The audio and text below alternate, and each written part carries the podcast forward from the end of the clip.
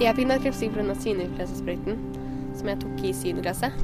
Og jeg fikk vel Narkolepsien begynte å utbrede seg sånn få måneder etter, men det tok lang tid for meg å skjønne at jeg hadde narkolepsi. Johanna er 16 år og er en av 58 barn som har fått diagnosen narkolepsi etter svineinfluensavaksineringen i 2009. Sammenhengen er utvilsom. Ja, det er en sammenheng, men bare med en bestemt variant av vaksinen den sorten som ble laget og ble solgt til Norge, Sverige, Finland, den het jo Pandebrix. Og den eh, inneholdt et, en bestemt sammensatt tilleggsstoff eh, som eh, skulle gjøre at den immunologiske reaksjonen, som er hensikten ved en slik vaksine, man skal jo bli immun mot viruset, skulle styrke den reaksjonen. Og det har da av en eller annen grunn ført til at akkurat de som har fått den varianten av vaksinen, de har, der har man fått en økning av narkolepsi, og spesielt hos barn. Skard Heier er spesialist i nevrologi og klinisk nevrofysiologi, og har skrevet en artikkel om narkolepsi i tidsskriftets sommernummer. Det er en nevrologisk sykdom som innebærer langt mer enn folk flest aner, og som er svært plagsom for de rundt 2000 pasientene det gjelder. De plages for det første av at de blir fryktelig søvnige de får også søvnanfall de ikke kan hindre, som kommer til ubeleilige tider, men særlig hvis man sitter i ro. Men det kan være under måltider, eller det kan være på møter, eller på, skolen mens man leser lekser.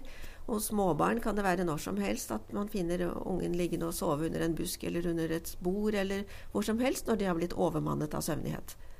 Så det er søvnigheten. Og i tillegg så har de en del ekstrasymptomer som er knyttet til forstyrrelser i søvnreguleringen i virkeligheten. De også, det er knyttet til deler som hører hjemme egentlig til drømmesøvnen, hvor man jo drømmer, og hvor man også normalt skal ha en muskellammelse som gjør at man ikke gjør det man drømmer om. F.eks. drømmer man at man løper, så skal man ikke løpe når man sover. Men uh, disse som har narkolepsi, de får på dagtid innslag av det som hører hjemme i, i rem-søvnen. F.eks. ved plutselige Eh, sinnsforandringer, særlig gledelige latter eller, eller, overraskelser, men også av og til sinne, som kan gjøre at de plutselig får den samme muskellammelsen som egentlig hører hjemme under drømmesøvnen. Hvor de kan kanskje bare så vidt eh, bli litt svake i nakken eller i hendene, eller sånn, men også kan falle rett ned på gulvet. Men mister ikke bevisstheten. Det kalles for katapleksi. Og de andre tingene som også er knyttet opp egentlig til drømmesøvnen, det er at man kan få eh, noe som kalles for hypnagoge hallusinasjoner. Veldig virkelighetstro eh, sanseinntrykk. Altså idet man holder på å falle i søvn, f.eks., eller idet man våkner av søvnen. Og, og, det kan være veldig nifst og uhyggelig å oppleve. Og den tredje tingen, det er altså da eh, søvnparalyse, hvor denne muskellammelsen som hører hjemme under drømmesøvnen, fortsetter etter at man egentlig har våknet, så klarer man ikke å røre seg. Og det kan vare kanskje noen sekunder, kanskje et minutt eller halvannet minutt. Og, og det kan være ganske nifst, men det går over igjen. Hvis man bare tar på den personen som opplever det, så vil man bli helt våken. Men det syns jo ikke utenpå når noen har den tilstanden. I tillegg kommer symptomer som urolig og oppstykket nattesøvn, kraftig vektøkning, mye uro og innslag av hyperaktivitet. Ungdomsskoleeleven Johanna har flere av symptomene, og selv om hun har forstått at mange har det verre, har sykdommen fått mange konsekvenser også for henne. Narkolepsi, altså, det er veldig mye. Skjønt, det, lang, det, har tatt veldig lang tid for meg å skjønne hvor mye det faktisk er.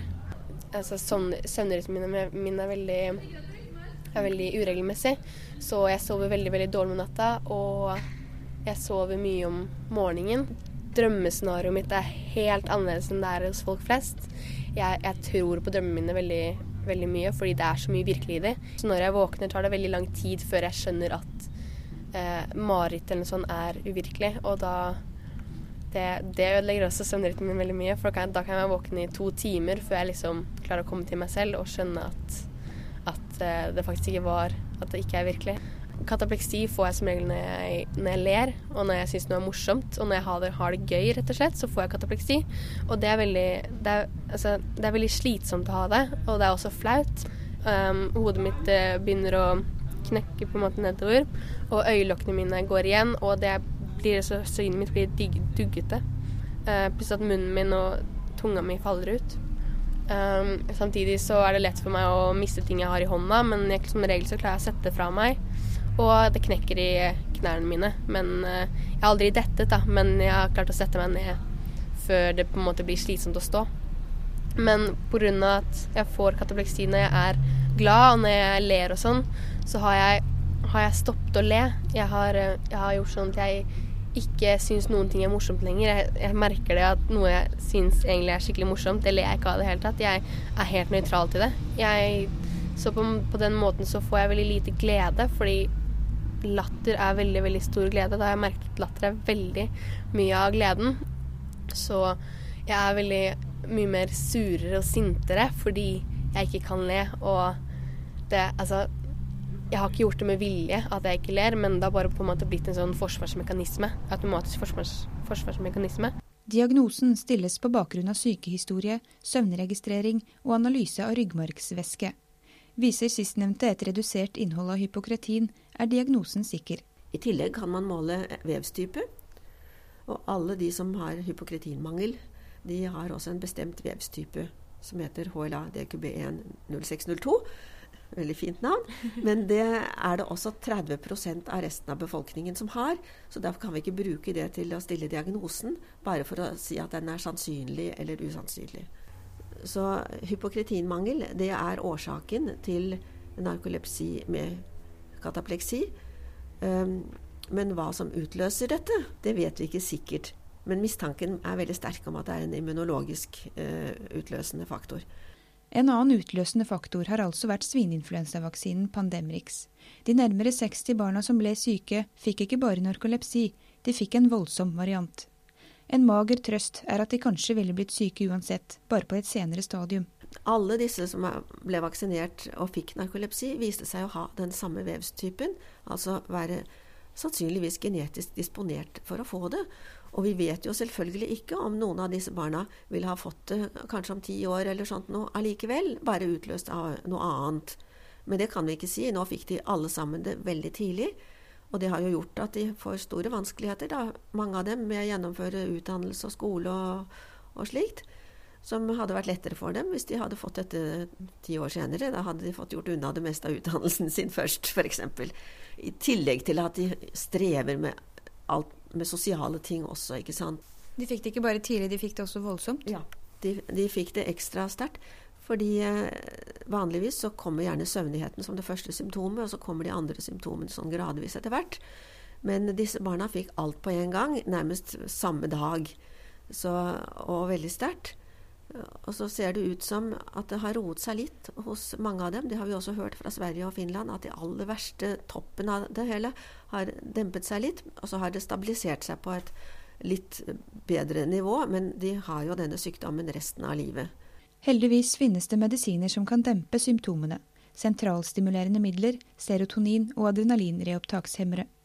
Et nytt legemiddel, Xyrem, virker også svært lovende, men det er for tidlig å gi til barn.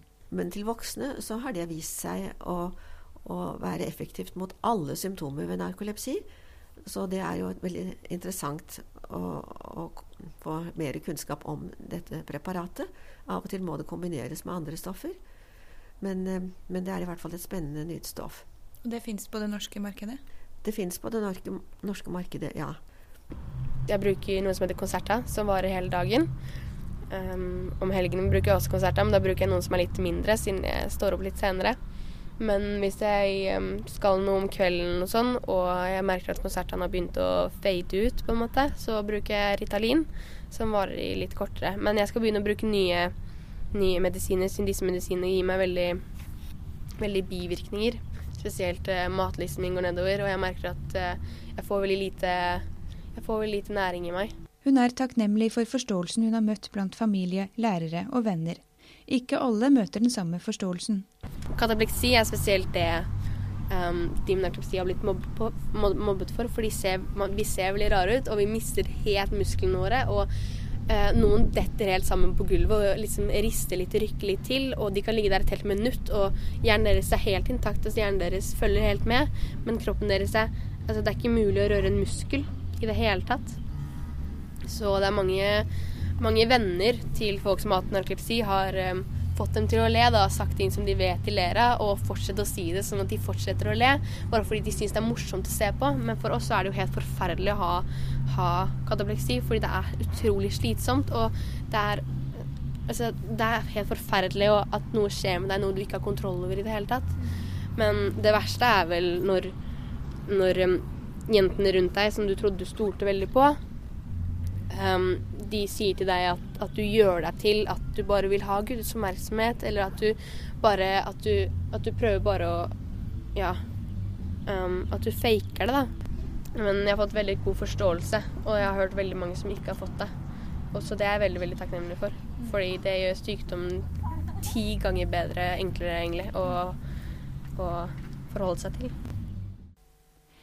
I artikkelen til Mona Skard Heier og medarbeidere kan du lese mer om narkolepsi og nye retningslinjer for behandling av barn. Jeg heter Eline Feiring.